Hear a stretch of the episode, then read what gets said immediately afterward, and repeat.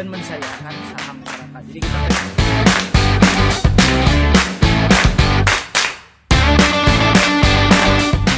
beda sama Jakarta kalau anak Bandung tuh eh, pasti investasiin buat sekolah anak evolve into something new gitu. Kupu-kupu mungkin ke- Eh, ayahku tuh satpam gitu kan di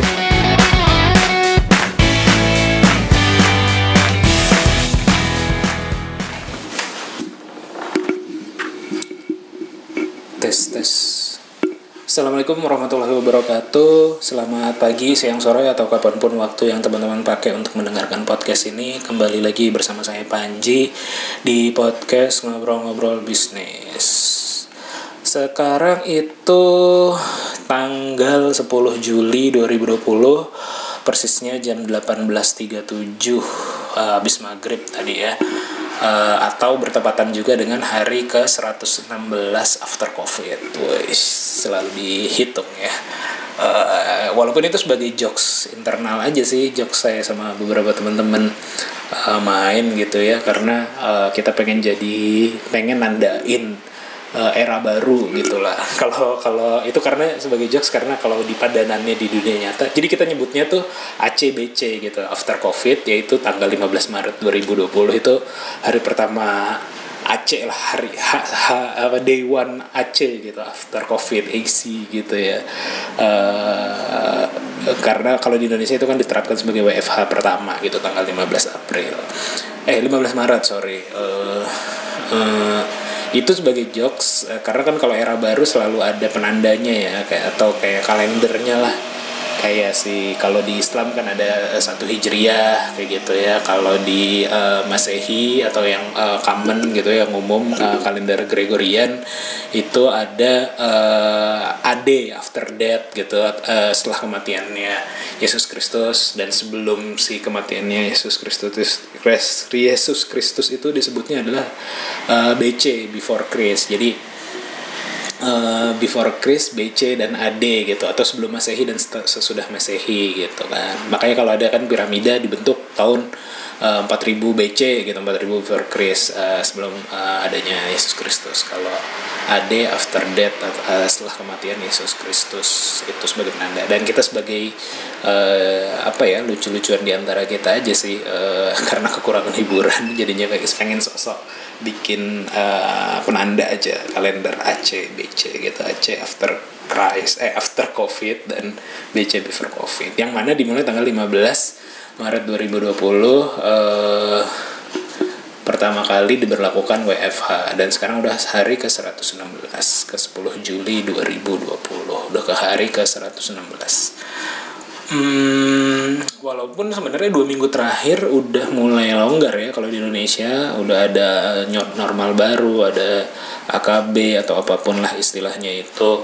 Eh tapi sebenarnya belum harusnya sih belum apa ya belum belum pantas lah ya kita masuk ke normal baru mungkin ya kalau pandangan pribadi. Karena memang kasus eh, trennya masih terus meningkat dan juga eh apa ya belum mengalami penurunan ya. Kalau kan eh, beberapa analisa teman-teman sih saya nggak analisa sendiri gitu. Beberapa analisa teman-teman yang di pantas eh, yang pantas disebut normal baru yaitu kalau udah ada kurva menurun melandai baru dibikin normal baru baru mulai dilonggar-longgarkan. Tapi kalau Indonesia kan pada kenyataannya belum ya bahkan kalau saya sih sering eh, mantau eh, apa namanya situs Worldometer itu ya yang mengkomparasi yang dia dia sebenarnya situs untuk eh, apa ya data statistik dari berbagai macam data di dunia ya dari perbandingan negara ataupun apa pun gitu. Nah di situ juga ada data tentang corona gitu ya perbandingan antar negaranya live gitu ya. Hmm, saya suka mantau di situ dan Indonesia sering masuk eh, ke 10 besar terkait dengan hmm, jumlah kasus baru atau bahkan jumlah kematian. Walaupun memang perhitungannya, nah karena ini ada yang negor juga ya tadi saya share di Instagram ada teman uh, uh, negor uh, si Haikal ya dibilang oh, data lo kayaknya kurang valid Ji karena US atau ada ada teman juga yang Emil Emil uh, teman saya Emil uh, dia juga negor itu uh, data lo kayaknya kurang valid karena uh, US belum masuk. Lalu Haikal juga tadi bilang uh, US belum masuk sama India juga belum masuk gitu. Karena memang ketika saya share data tersebut itu memang jamnya jam US belum uh, ngerilis datanya atau India ngerilis datanya. Jadi memang masih belum terlalu valid. Tapi poinnya sebenarnya yang pengen saya sampaikan ketika saya nge-share itu ya pengen memancing diskusi aja sih dan awareness orang-orang bahwa Indonesia sebenarnya masih cukup berbahaya ya keadaannya terkait dengan COVID. Kasusnya makin banyak. Bahkan kemarin kan 9 Juli uh, nembus rekor baru lagi yaitu 2000 kasus baru. Jadi adaptasi baru ataupun normal norm, new normal ini sebenarnya nggak uh, tahu ya gimana menyikapinya. Tapi kalau teman-teman kayak kalau saya pribadi sih uh, kalau bisa diusahakan uh, berlaku seperti masa-masa PSBB itu tetap lebih diutamakan sih. Jadi meminimalisir keluar rumah meminimalisir berinteraksi sama orang uh, terutama yang berpotensi COVID kayak gitu ya. Itu diminimalisir sekali kalau saya kalau teman-teman yang memang memiliki apa ya kemewahan untuk seperti itu ya untuk melakukan hal yang sama seperti misal bekerja dari rumah ataupun uh, tidak mesti ke kantor itu dan tetap bisa berpenghasilan dari rumah uh, itu lebih baik tetap dilakukan sih. Cuman kalau memang mesti keluar rumah untuk bekerja atau hal-hal urgent ya tetap patuhi protokol-protokol yang di uh, apa ya yang ada di yang diberlakukan di pemerintah lah. Uh, masker protokol-protokol kesehatan tetap dijalankan lah jangan jangan longgar banget. Bahkan tadi saya sholat jumat juga udah mulai banyak yang nggak pakai masker sih jadi agak-agak rawan. Karena kan ini penyakit penyakit uh, yang sifatnya bukan hanya uh, apa ya bukan hanya bisa kita antisipasi secara individu ya tapi sebenarnya ini penyakit ataupun virus yang harus diantisipasi secara berjamaah gitu atau secara uh, bersama-sama. Jadi sebenarnya agak-agak agak-agak apa ya jadi kesel juga sih kalau kita sendiri sudah berusaha di ruang publik gitu ya berusaha untuk mematuhi protokol tapi ada orang lain yang tidak mematuhi protokol dan itu kan membahayakan diri kita juga. Jadinya uh, ya mohonlah kalau teman-teman uh, yang memiliki kemewahan sekali lagi yang memiliki kemewahan untuk tetap berada di rumah dan menjaga jarak lebih baik dilakukan. Uh, tentu saja asal tidak mengganggu perekonomian ya perekonomian pribadi kayak gitu. Uh, dan kalaupun harus keluar uh, tolong patuhi protokol kesehatan yang ada di uh, ya yang ada di udah banyak lah diberlakukan oleh pemerintah ataupun protokol kesehatan yang umum ada kayak gitu. Nah uh, ini kan versi monolog nih karena ini hari Jumat dan mudah-mudahan habis ini udah menjelang Isa ya. Uh, langsung rilis ini Uh, sebenarnya kalau ngobrol bisnis versi monolog kan ada tema-tema khusus yang saya mau bahas. Cuman kali ini sebenarnya nggak ada. Uh, tapi mungkin bisa dibilang ada juga ya. Uh, gampangnya sih saya mau ngeba ngejawab pertanyaan beberapa pertanyaan yang udah masuk ke saya baik itu melalui Instagram ataupun ada juga temen yang WA uh, terkait dengan bisnis terkait dengan podcast yang saya sampaikan ataupun uh, yang menurut saya pertanyaannya cukup menarik uh, untuk saya uh, jelaskan ulang uh, karena saya lihat banyak pertanyaan-pertanyaan yang masuk adalah mirip-mirip sih. Nggak banyak juga sih paling kayak cuman nggak nyampe 10 sih yang nanya-nanya tentang bisnis lah ya kalau ke saya. Uh, cuman uh, menurut saya banyak juga uh, ya di antara mereka mungkin saya ambil dua atau tiga pertanyaan yang kira-kira berulang ataupun dimiliki uh, dihadapi uh, permasalahan sama dihadapi oleh orang banyak kayak gitu. Yang pertama itu uh, saya mau jawab pertanyaan dari si Raffi ya. Raffi ini adalah salah satu startupnya itu ngikut di inkubator yang uh, inkubator salah satu inkubator bisnis di Bandung di mana saya jadi mentor juga di sana gitu. Pertanyaannya kayak gini. Assalamualaikum Kak Panji, saya mau minta bantuan lagi dong Kak. Jadi katanya uh, The Greater Hub uh, yang kurang di pitch decknya itu angka kita mau minta sama visinya berapa nominal uangnya. Oh jadi ceritanya si Raffi ini lagi uh, mengajukan pitch deck ke inkubatornya untuk dipertemukan sama visi. Tapi di pitch decknya ada kekurangan berupa uh, berapa nominal angkanya yang mau dimasukkan. Terus kemarin kita, saya lanjut lagi ya. Terus kemarin kita udah hitung semuanya kecuali gaji karyawan. Nah saya bersama si levelnya udah ngomongin tapi masih bingung kak uh, Kak Panji kira-kira bisa bantu nggak untuk kasus startup early kita untuk minta rise sama visi itu gaji karyawannya gimana ya? Uh, kalau dengan gaji kari uh, kalau dengan gaji pegawai yang kami taruh itu totalnya jadi uh, sekian. Nah, kami takutnya itu terlalu banyak untuk minta sama visi dengan progres kami sekarang. Jadi kami kira mendingan nggak usah ngasih uang gaji buat founder, tapi founder yang dari kami uh, beri perjanjian berupa share company saja. Nah, uh, kalau pertanyaannya seperti ini, ini banyak sih banyak uh, baik saya di uh, terutama ketika saya nge-mentor ya pertanyaan terkait dengan gaji founder ataupun gaji karyawan awal-awal itu bagaimana. Nah, uh, mungkin mindset pertama yang perlu ditanamkan adalah uh, kalau menurut saya sih harus dipahami bahwa cara berpikirnya yang pertama adalah uh, beda bukan beda ya uh, karyawan itu berhak atas gaji atau pegawai itu atau pekerja itu berhak atas gaji dan uh, founder atau entrepreneur atau pemilik bisnis itu berhak atas uh, keuntungan.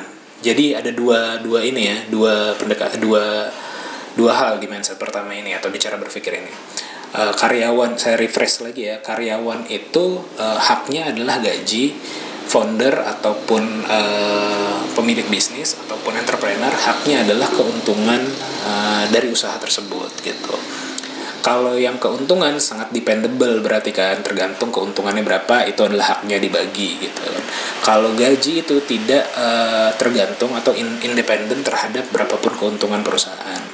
Uh, nah itu mindsetnya ya. Jadi kalau karyawan itu berhak atas gaji, kalau pemilik bisnis itu berhak atas keuntungan atau bagi hasil atau sisa hasil usahanya nanti di akhir. Nah, kalau entrepreneurnya atau pemilik bisnisnya juga bekerja di perusahaan tersebut sebagai karyawan, karena mau nggak mau pasti pun uh, pasti uh, pemilik bisnis ketika menjalankan bisnis awal-awal pasti bekerja di perusahaan tersebut juga. Makanya sebenarnya secara akuntansi maupun secara apa ya, secara uh, kerapihan keuangan lah ya sebenarnya. Uh, pemilik bisnis yang bekerja juga di perusahaannya itu mendapatkan dua hak yaitu ketika dia sebagai bekerja di situ sebagai karyawan dia juga mendapatkan gaji juga dan ketika di akhir tahun ataupun di akhir bulan ataupun di akhir periode uh, tutup bukunya dia berhak atas sisa hasil usaha atau keuntungan gitu contohnya misalnya saya uh, saya mendirikan perusahaan A perusahaan A ini gitu ya uh, saya uh, juga bekerja di sini sebagai misalnya CEO gitu di perusahaan A ini. Makanya saya berhak atas gaji saya sebagai CEO dan mungkin di akhir tahun uh, share apa atau keuntungan uh, share keuntungan saya terhadap uh, sebagai saya pemilik uh, atau pendiri si perusahaan ini gitu. Jadi Uh, pasti harus digaji sih kalau sebagai karyawan. Bagaimana kalau si perusahaan ini belum mampu menggaji? Nah itu Hmm, ya banyak sih strateginya. Yang paling sering saya lakukan atau uh, yang paling umum ya gajinya dihutangkan dulu. Jadi uh, yang teman-teman mesti lakukan ketika misalnya melihat cash flow perusahaan belum uh, cukup, misalnya di awal oke okay, nggak uh, apa-apa, yang penting karyawan gajian dulu. Ketika lagi mendirikan, gue nggak usah digaji dulu. Itu uh, di, tetap digaji, ditulis di keuangannya tetap digaji, tapi ter, tertulisnya terhutang uh, ini menjadi penting karena kalau teman-teman tidak mengukur, tidak menghitung kapasitas diri teman-teman sebagai pekerja di perusahaan yang teman-teman dirikan sendiri, uh, nanti jadi nggak rapi itu keuangannya. Misal satu bisa terjadi dan ini sering banget terjadi atau uh, beberapa kali saya temukan kasus ini di perusahaan-perusahaan yang saya mentoring juga di dalamnya kayak gitu ya mereka sering prive atau ngambil uang perusahaan atau ngambil uh, keuntungan dari perusahaan tidak pada waktunya untuk keuntungan untuk kepentingan pribadinya kayak gitu ada beberapa perusahaan di Jakarta juga yang yang yang melakukan kayak gini yang yang uh, yang saya kebetulan pernah uh, diskusi atau jadi mentor di dalamnya kayak gitu ya. Nah ini bahaya karena nanti jadinya kita nggak kelihatan, nggak kelihatan progres bisnisnya, nggak kelihatan track record bisnisnya seperti apa. Itu bisa jadi satu uh, jadinya nggak transparan ataupun jadinya nggak nggak apa ya, nggak nggak bagus lah secara pembukuan kayak gitu itu bisa terjadi. Dan yang kedua adalah ketika kita menjalankan bisnis. Dan ini pernah juga terjadi sama saya ya. Ketika saya menjalankan bisnis lalu saya tidak menghitung gaji saya di dalamnya ini akan masalah ketika taruhlah saya nggak prive gitu ya. Tapi ini akan masalah ketika eh, saya mau mentransisikan eh, fungsi saya ke orang lain. Misalnya di perusahaan yang saya dirikan tersebut di awal-awal saya eh, memposisikan diri sebagai eh, CEO di situ. Tapi pada eh, sekian lama, sekian waktu udah berjalan, saya rasa oh saya nggak perlu jadi CEO lagi lah. Untuk itu saya meng-hire orang untuk menggantikan saya sebagai CEO di perusahaan yang saya dirikan tersebut. Ini akan masalah karena selama berjalan selama ini saya tidak uh, menggaji diri saya sehingga beban perusahaan uh, yang saya dirikan ini tidak pada beban atau beban uh, maksudnya kos ya uh, kos pengeluaran bulanannya tidak uh, tidak real karena tidak menghitung pengeluaran saya gitu tidak menghitung gaji saya. Sedangkan ya tadi ketika mau transisi saya harus meng-hire CEO baru yang menggantikan diri saya di mana dia nanti menjalankan uh, fungsi CEO dan harusnya digaji secara full. Jadinya nanti analisisnya jadi kacau gitu. Harusnya selama ini udah berjalan tiga tahun gitu misalnya, oh ya cash kita bagus, profit kita bagus dan segala macam. Tapi ternyata saya tidak menghitung gaji saya. Tapi ketika saya menghitung gaji saya atau menghitung gaji CEO yang akan menggantikan saya, uh, itu jadi eh, kacau tuh eh, keuangannya. Oh ternyata bebannya jadi segini. Ternyata keuntungan akhir tahunnya jadi tidak terlalu menarik nih misalnya karena menghitung. Jadi jadi teman-teman eh, menurut saya sih mindset ini harus ditanamkan ya untuk teman-teman entrepreneur pemula. Bahwa ya itu usahakan sebaik mungkin tetap menggaji eh, diri. Kalaupun tidak sanggup ya ditulis terhutang saja. Atau ya ditulis minimum aja gajinya berapa gitu. Besarannya pun sangat bervariasi ya yang saya tahu ada salah satu startup di Bandung sekarang sudah besar sekali ya startup game gitu. Foundernya di awal ada belasan. Eh, di awal mereka menggaji diri mereka per bulan hanya 50.000 ribu gitu. Yang penting untuk pencatatan saja dicatat kayak gitu. Atau yang terkenal juga kan kayak Google gitu. Eh, dulu ketika foundernya masih jadi CEO dia mencatatkan gajinya hanya satu dolar gitu per bulan. Dan itu eh, yang penting tetap tertulis gitu terstruktur. Sehingga ya tadi eh, hak dia sebagai karyawan atau pekerja di dalam perusahaannya sendiri juga terpenuhi dan hak dia nanti di akhir tahun ke- sebagai founder atau pemilik juga terpenuhi. Besarannya pun bervariatif tadi ya. Eh, kalau eh, yang paling ideal ya UMK kalau enggak ya based on kebutuhan aja. Kalau masih mahasiswa eh ya kalau kebutuhan bulan ini hanya berapa juta gitu atau sejuta atau nggak nyampe 2 juta gitu ya ditulis segitu aja. Yang penting memenuhi kebutuhannya sendiri kayak gitu. Lalu bagaimana kalau mau invest eh, investor kayak gitu? Apalagi dengan investor itu harus dituliskan. Eh menurut saya ya. Karena eh tadi itu mindset pertamanya. Kalau mindset keduanya cara berpikir antara entrepreneur dengan investor itu sangat berbeda. Ya paling nggak kalau nggak sangat ya cukup berbeda lah ya terkait dengan gaji ini terutama. Eh kalau kita sebagai entrepreneur gitu kita ngerasa eh, bentuk komitmen kita atau bentuk kerelaan kita menjalankan bisnis atau komitmen lah ya bentuk komitmen kita untuk menjalankan bisnis dengan tidak digaji itu adalah komitmen. Misalnya ketika saya menjalankan perusahaan A ini oke gue nggak mau gue nggak mau digaji dulu nih sekian bulan gitu. Eh, yang penting bisnis ini bisa jalan. Itu bahasa kita gitu ya. Bahasa kita sebagai entrepreneur kita melihat ini menjalankan bisnis ini tanpa digaji itu sebagai komitmen gitu. Ya itu bisa jadi eh, komitmen kita gitu ya. Eh, atau eh, ya itu bisa jadi dipandang sebagai komitmen dari sudut pandang entrepreneur. Tapi kalau dari sisi investor melihat itu justru bukan sebagai komitmen itu itu malah jadi sebagai eh, lu gimana? Malah dipertanyakan komitmennya. Kenapa? Karena kan eh, kalau kita menjalankan eh, bisnis eh, apalagi kalau udah mencari investor kayak gitu ya eh, investor akan bertanya investor inginnya kita full time di sini dan komit terhadap bisnis kita. Tapi kalau di benak mereka akan timbul pertanyaan kalau kita nggak digaji kita mencari eh, kalau entrepreneurnya ya CEO-nya lah misalnya kalau nggak digaji lu nyari duit untuk menghidupan lu dari mana? Mereka akan bertanya seperti itu gitu Uh, misalnya dijawab ya gue akan mencari kehidupan dari uh, bisnis lainnya atau gue bekerja dulu di tempat lain. Nah, makanya gue di sini nggak usah digaji gitu. Nah investor makin ragu. Kalau lo nggak digaji dari sini artinya lo digaji dari tempat lain artinya lo nggak akan fokus ngejalanin bisnis ini. Artinya lo nggak akan fokus uh, full time menjalankan bisnis ini. Dan mereka jadi ragu justru kayak gitu. Justru jadi itu ya mindsetnya berbeda tuh antara investor dengan uh, entrepreneur. Entrepreneur mungkin merasa nggak digaji sebagai bentuk komitmen, tapi kalau dari sisi investor justru ngerasa kalau nggak digaji, entrepreneur nggak digaji, justru ini adalah bentuk tidak komitmen karena lo akan mencari uang dari tempat lain artinya. Ini bentar sambil mau nyolokin karena ternyata HP-nya mau habis baterainya.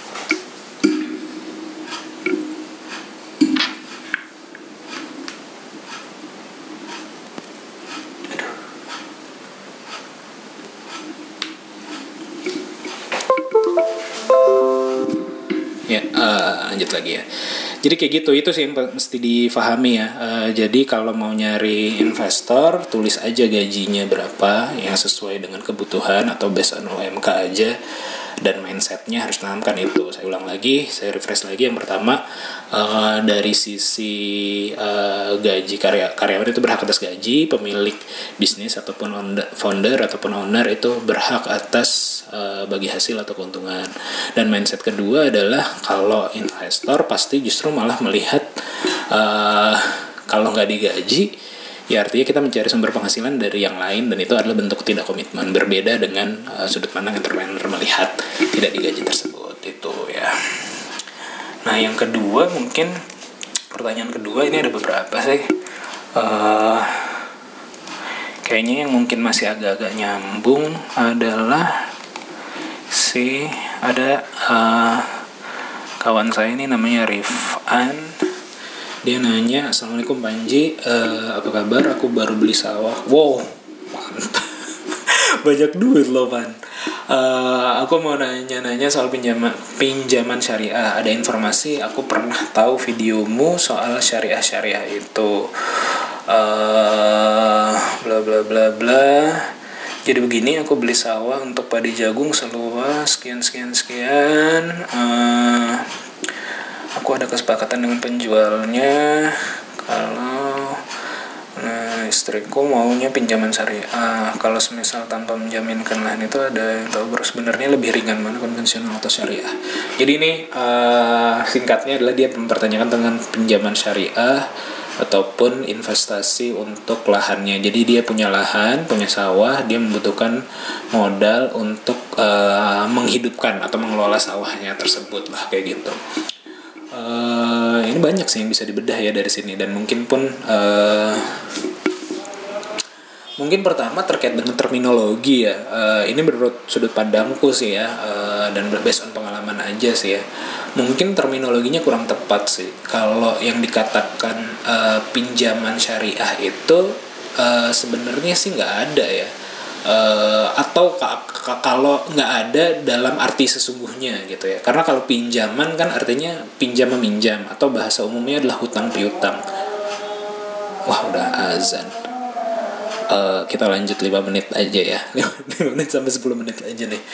Eh, ya eh, hutang piutang gitu ya. Hutang piutang syari- yang paling syariah adalah ya tidak ada bunga di dalamnya atau tidak ada riba di dalamnya sedangkan kalau pinjaman syariah dalam terminologi saat ini biasanya kan kaitannya sama eh, lebih ke akad atau mungkin bahasa yang lebih umumnya atau bahasa yang lebih bijaknya adalah eh, pembiayaan ya pembiayaan syariah mungkin lebih tepat. Jadi mungkin secara terminologi pinjaman syariah ini tidak tepat ya terminologinya. Karena kalau hutang piutang eh, yang paling syariah dari hutang piutang adalah ya tidak ada bunga. Karena hutang piutang itu atau pinjam meminjam itu sifatnya adalah eh, sosial eh, dan yang namanya kegiatan sosial kita tidak mengharapkan eh, imbal balik baik dari yang si peminjam maupun dari yang dipinjami terutama kayak gitu. Tidak mengharapkan imbal balik. Jadi rephrase-nya atau harusnya kata-katanya diperbaiki. Eh, bukan kata-katanya. Mungkin konsepsi secara umum ya karena ini banyak banget terjadi sih. Bahkan setahu saya kalau di bank-bank syariah setidaknya mereka pakai istilah pembiayaan syariah sih tapi untuk googlingnya untuk apa namanya keywordnya gitu ya eh, SEO-nya atau bahkan beberapa platform-platform online ya yang mengusung pembiayaan syariah tapi mereka nyari keywordnya tuh pinjaman syariah. Padahal itu kalau bisa dibilang tidak tep- eh, kalau tidak bisa dibilang tidak tepat paling nggak eh, kurang tepat lah ya pinjaman syariah itu. Ya satu-satu pinjaman syariah adalah ya pinjam aja pinjam tanpa eh, imbal balik apa pun. Ya itu pinjaman syariah atau hutang piutang syariah. Sedangkan mungkin istilah yang lebih tepat adalah pembiayaan syariah. Nah kalau udah kita eh, kalau pembiayaan syariah at- eh, mungkin pertanyaan keduanya yang lebih lebih mudah dijawab. Eh, terkait dengan eh, lebih ringan mana konvensional apa syariah. Nah sebenarnya eh, ini jauh ini mungkin mengarah pertanyaannya adalah terkait dengan rate ya ataupun margin ataupun kalau di konvensional bunga kalau di syariah margin atau bagi hasil kayak gitu. Lebih ringan mana eh, dia sebagai eh, mungkin yang akan meminjam atau membutuhkan biaya ini bisa di googling aja sih kalau menurutku karena eh, lebih ringan mana itu bisa di googling tapi yang pasti sih lebih ringan eh, lebih ringan secara hati yang syariah tentu saja. Karena kalau uh, secara syariah kan uh, kalau yang Islam pasti tidak terbebani dengan dosa gitu. Jadi jadi pasti lebih ringan gitu sih. Uh, secara hati lebih ringan lah. Kalau secara rate-nya nanti mungkin bisa di googling aja. Uh, ya itu ya uh, pembiayaan syariah. Uh, kalau pertanyaan apakah bisa dicari tanpa menjaminkan lahan? Uh, kalau butuhnya modal kerja uh, biasanya sih kalau mungkin ini juga ya uh, satu mungkin tadi ya kita udah membedah antara uh, beda hutang piutang atau pinjaman dengan pembiayaan tapi juga harus harus mungkin sebagai menjawab pertanyaan ini juga perlu saya bedah bedanya uh, pembiayaan dengan investasi. Nah ini nih, ini juga sering orang salah kaprah nih antara pembiayaan dengan investasi, baik dari sisi entrepreneurnya maupun dari sisi uh, investornya ini sering sering sering salah kaprah gitu ya. Uh, pertama kalau kita ngomongin uh, ya ini juga ini juga sih ada pengalaman lucu ya bahkan uh, kayaknya sebulan yang lalu saya ngikut conference atau apa ya seminar gitu ya seminar online. Nah salah satu pembicaranya yang katanya adalah uh, pendiri atau bukan pendiri sih uh, bikin inkubator kayak gitu lah inkubator inkubator kayak gitu ya uh, dibikin inkubator uh, ada salah satu peserta yang nanya uh, kalau model startup yang dia bina dapat keuntungannya dari mana gitu. Nah si pembicara tersebut dia bilang kita dapat keuntungannya dari uh, investor. Nah itu lebih ngaco lagi sih. Jadi uh, dia bilang keuntungan itu datangnya dari investor. Nah itu ngaco banget lah. Kalau kita bedah secara akuntansi ya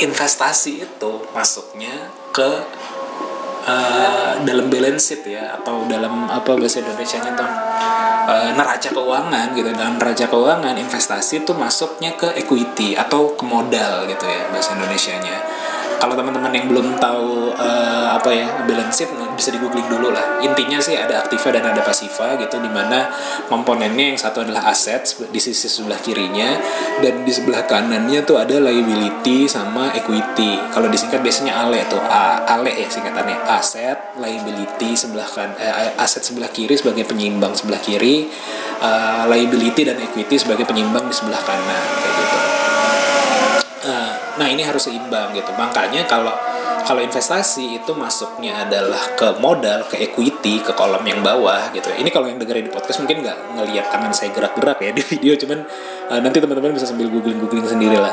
Ya pada intinya kalau investasi itu masuknya ke modal uh, dan menambahnya di kas, makanya selalu seimbang tuh.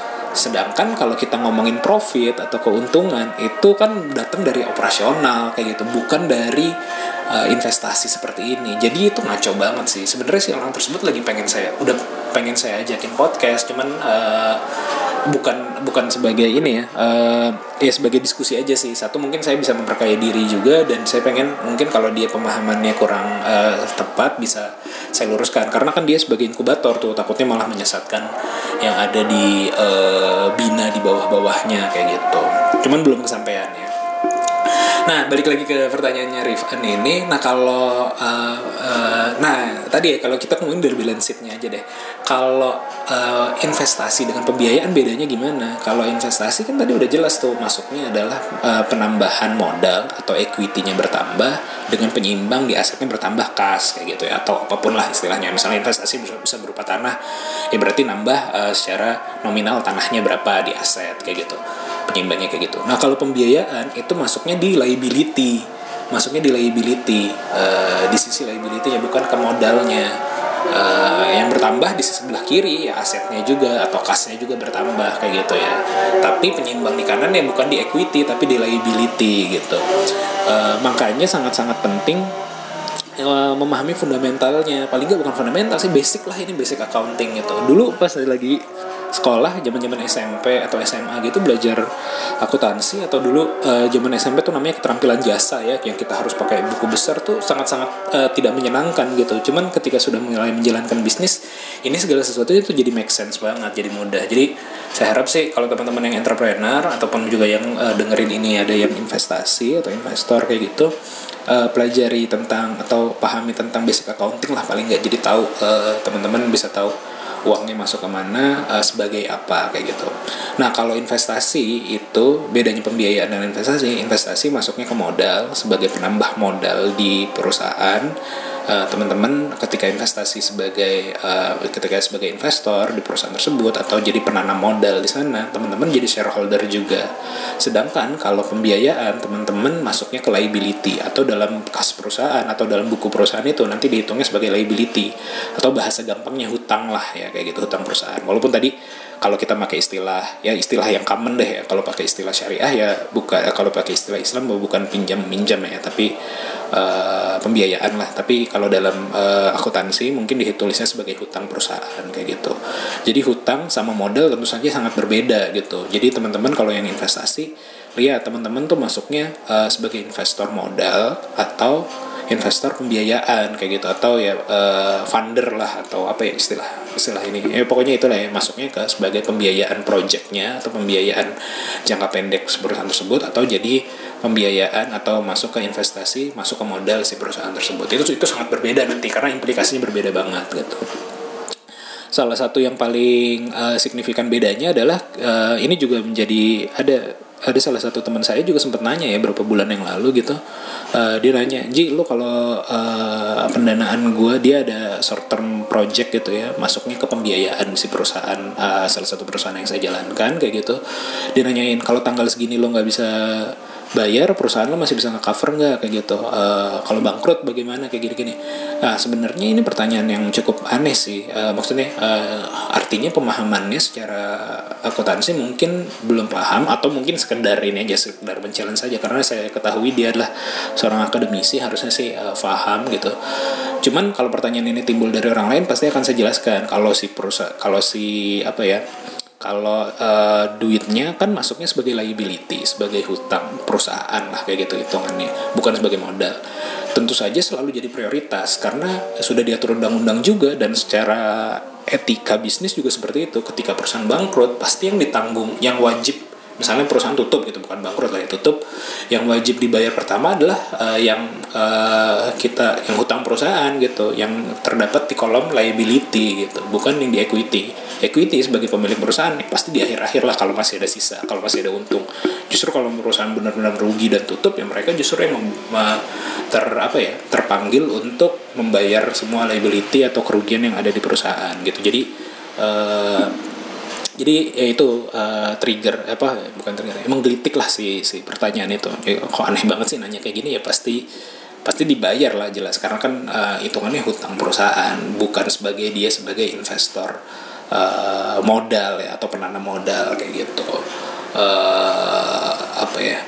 Ya kayak gitu. Jadi itu teman-teman nanti terutama yang investor harus dipahami tuh teman-teman masuk ke kolom yang mana sih. Gue investasi eh, karena sekarang kan terminologinya udah apa ya commonnya tuh sebuahnya disebutnya sebagai investasi. Kalau di di pasar modal itu biasanya kan kalau yang hutang itu disebutnya obligasi tuh.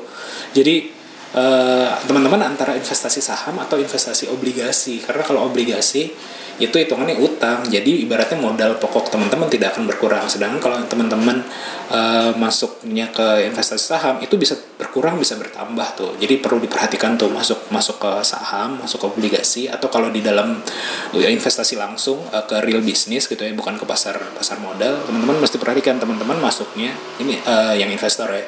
Teman-teman masuknya ke eh, investasi penanaman modal eh, sebagai pemegang saham si perusahaan tersebut atau teman-teman sebagai pembiaya atau masuknya ke liability atau eh, masuknya ke jangka pendek lah. Karena kalau saya sendiri juga sering memakai istilahnya kalau untuk di pembiayaan ya ini salah juga ya sih sebenarnya. Ya Eh, sebagai saya sebutnya investasi jangka pendek atau investasi modal kerja. Karena kan lebih liquid lah ibaratnya lebih cepet gitu bukan masuk ke investasi aset gitu atau masuk ke investasi modal tapi ke modal kerja yang sifatnya lebih cepat bergulir kayak gitu sih gitu. Nah, jadi kalau untuk Rifan, balik lagi ke pertanyaannya Rifan, eh, pembiayaan tadi udah dijawab ya. Eh, lebih tepat mungkin pembiayaan syariah yang dicari. Kalau nyarinya di mana pembiayaan syariah? Kalau yang dengan jaminan sebenarnya banyak banget sih kayak BMT itu udah pasti memberikan. Eh, terus kalau bank-bank syariah pasti memberikan. Atau kalau kayak fintech fintech kayak gitu juga banyak yang memberikan.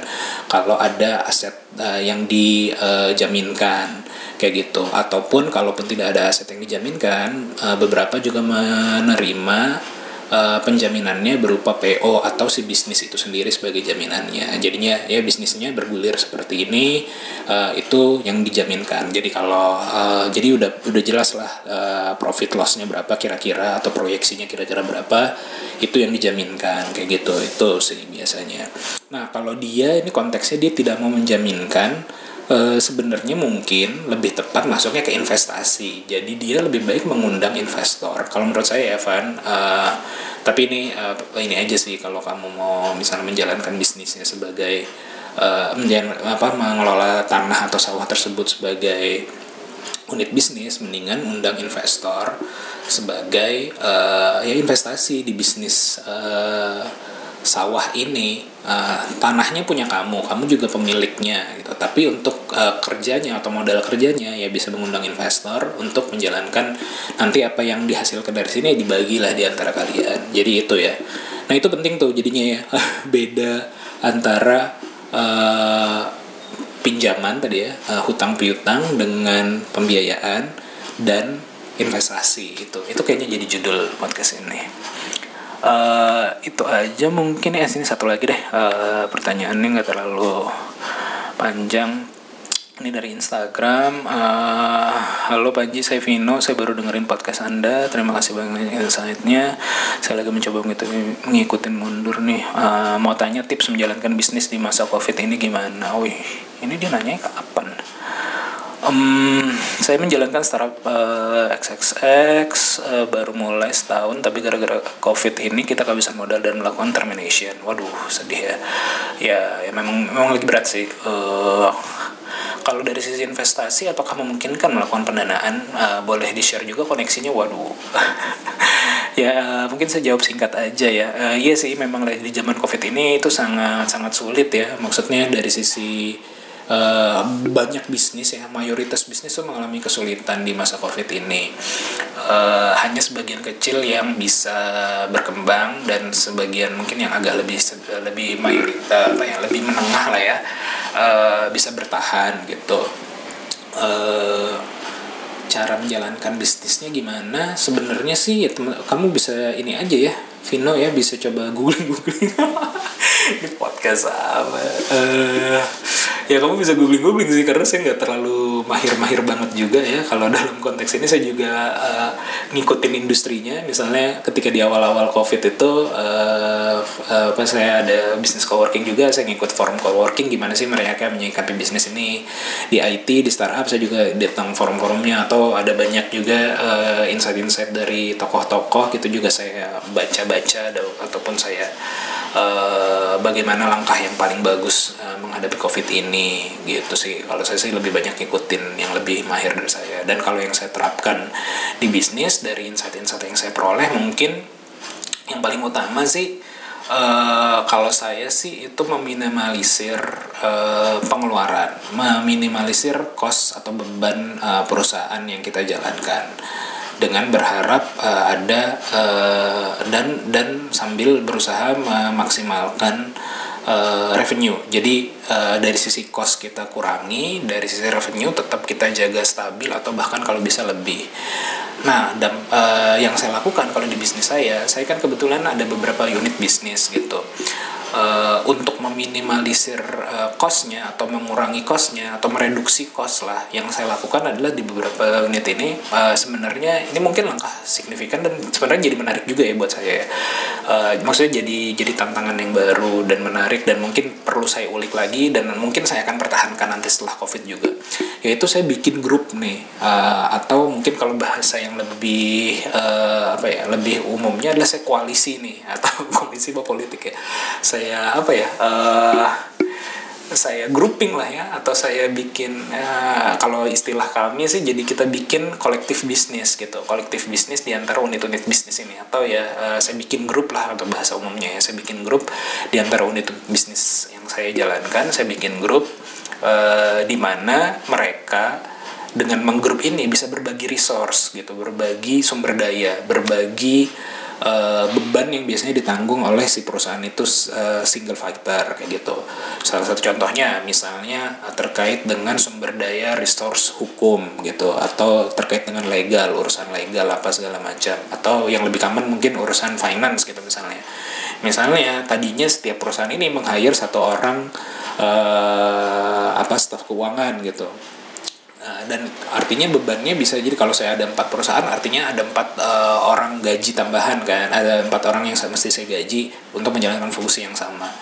Nah dengan bikin grup ini atau usaha kolektif ini saya jadinya uh, cukup meng-hire satu orang uh, karena juga traffic nggak terlalu tinggi gitu misalnya jadi satu orang ini bisa menghandle empat perusahaan sekaligus gitu. Jadinya uh, lebih lean lah. Uh, saya mengefisienkan uh, saya mengefisienkan si perusahaan ini. Uh, saya mengefisienkan beberapa unit bisnis yang saya lakukan ini dengan membuat grupnya gitu. Jadinya lebih ya tadi uh, secara cost lebih tereduksi.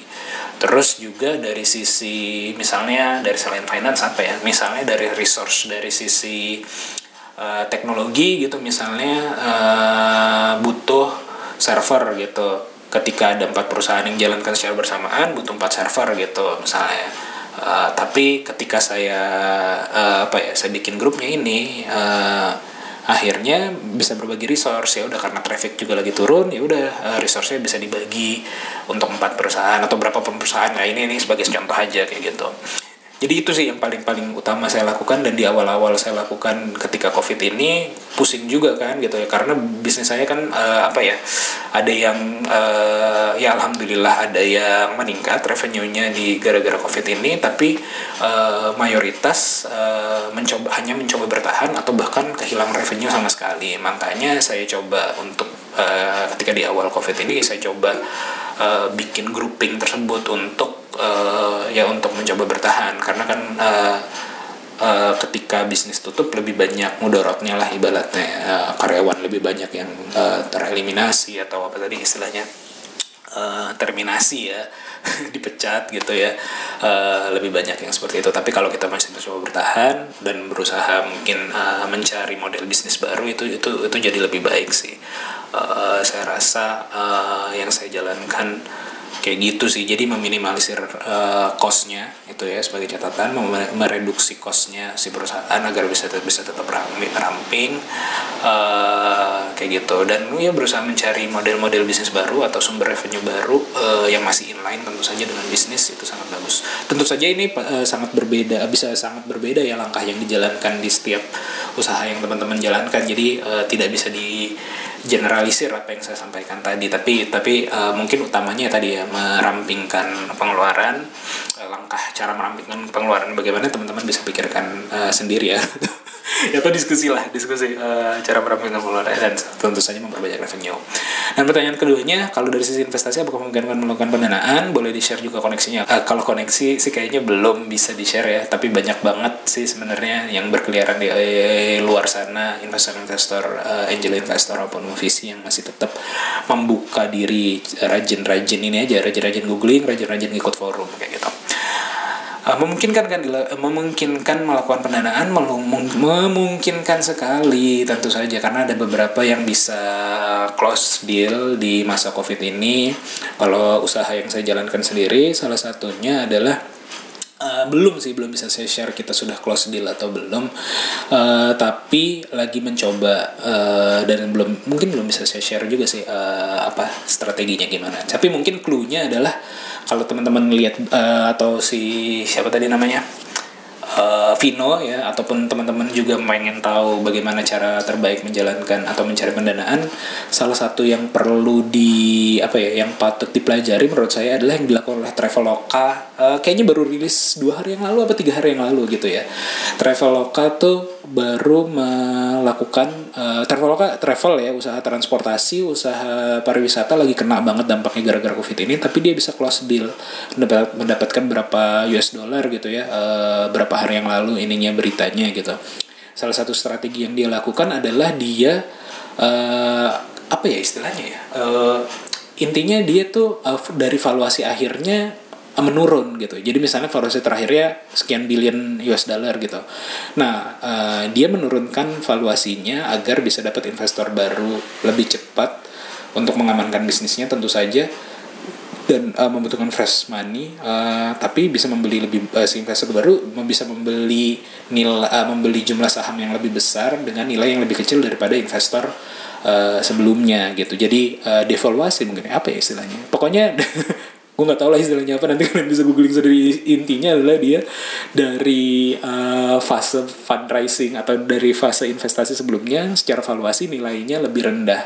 De apa ya atau lower apa nantilah aja bisa carilah itu istilahnya apa ya. Ada di apa ya di Bloomberg apa apa kemarin tuh uh, pokoknya dia lupa lah kepanjangannya apa ya ininya apa ya beritanya apa. Intinya uh, dia melakukan uh, valuasinya jadi lebih rendah uh, sehingga dapat pendanaan baru. Dan mungkin itu yang akan saya lakukan juga di perusahaan gitu. Karena lagi ada perusahaan yang uh, cukup uh, di, apa performanya kurang baik gitu. Dan saya rasa butuh pendanaan dengan cepat. Tapi kalau kita bertahan di valuasi yang lama kayaknya uh, tidak worth it gitu atau ya mungkin jadi pertimbangan uh, bersama-sama dari para founder dan investor sebelumnya lebih baik kayaknya kita lower dulu kita bisa dapetin eh, kita dapat investasi baru dengan nilai yang mungkin uh, baik untuk menjalankan bisnis kita. Jadi uh, sangat memungkinkan dan strateginya kalau itu ya uh, intinya sih kreatif kreatif aja ya gimana bagaimana cara kamu bisa melakukan pendanaan tapi ya uh, forum terbuka lebar sih di mana pun sekarang saat ini ya Uh, Oke okay, gitu aja. Ini udah lewat 19.22 uh, udah azan kelewat uh, lebih dari 10 menit tadi ya. Uh, sekian saja uh, podcast monolog kali ini. Mudah-mudahan nanti di monolog berikutnya lebih banyak yang bisa saya jawab juga. Atau kalau teman-teman juga ada pertanyaan atau bahan diskusi lainnya bisa langsung DM saya saja di Instagram. Nanti kita diskusikan di podcast atau kalau punya pandangan yang berbeda juga mangga aja sih uh, saya open banget uh, terhadap uh, pandangan. Karena ini kan sifatnya tadi hanya dari sudut pandang saya ya mudah-mudahan dan banyak kekurangannya dan experience masih sangat-sangat sedikit gitu. Jadinya masih banyak perlu di challenge lah jangan diterima mentah-mentah kayak gitu. Uh, langsung aja nanti DM ke saya di Instagram ataupun email juga ke panji uh, bebas boleh email boleh DM insya Allah saya respon atau saya menjawab di podcast monolog berikutnya nggak tahu kapan gitu Oke, sampai jumpa di podcast uh, ngobrol bisa berikutnya, baik yang monolog ataupun yang dengan narasumber. Sekian dari saya, sampai jumpa. Bye. Assalamualaikum warahmatullahi wabarakatuh.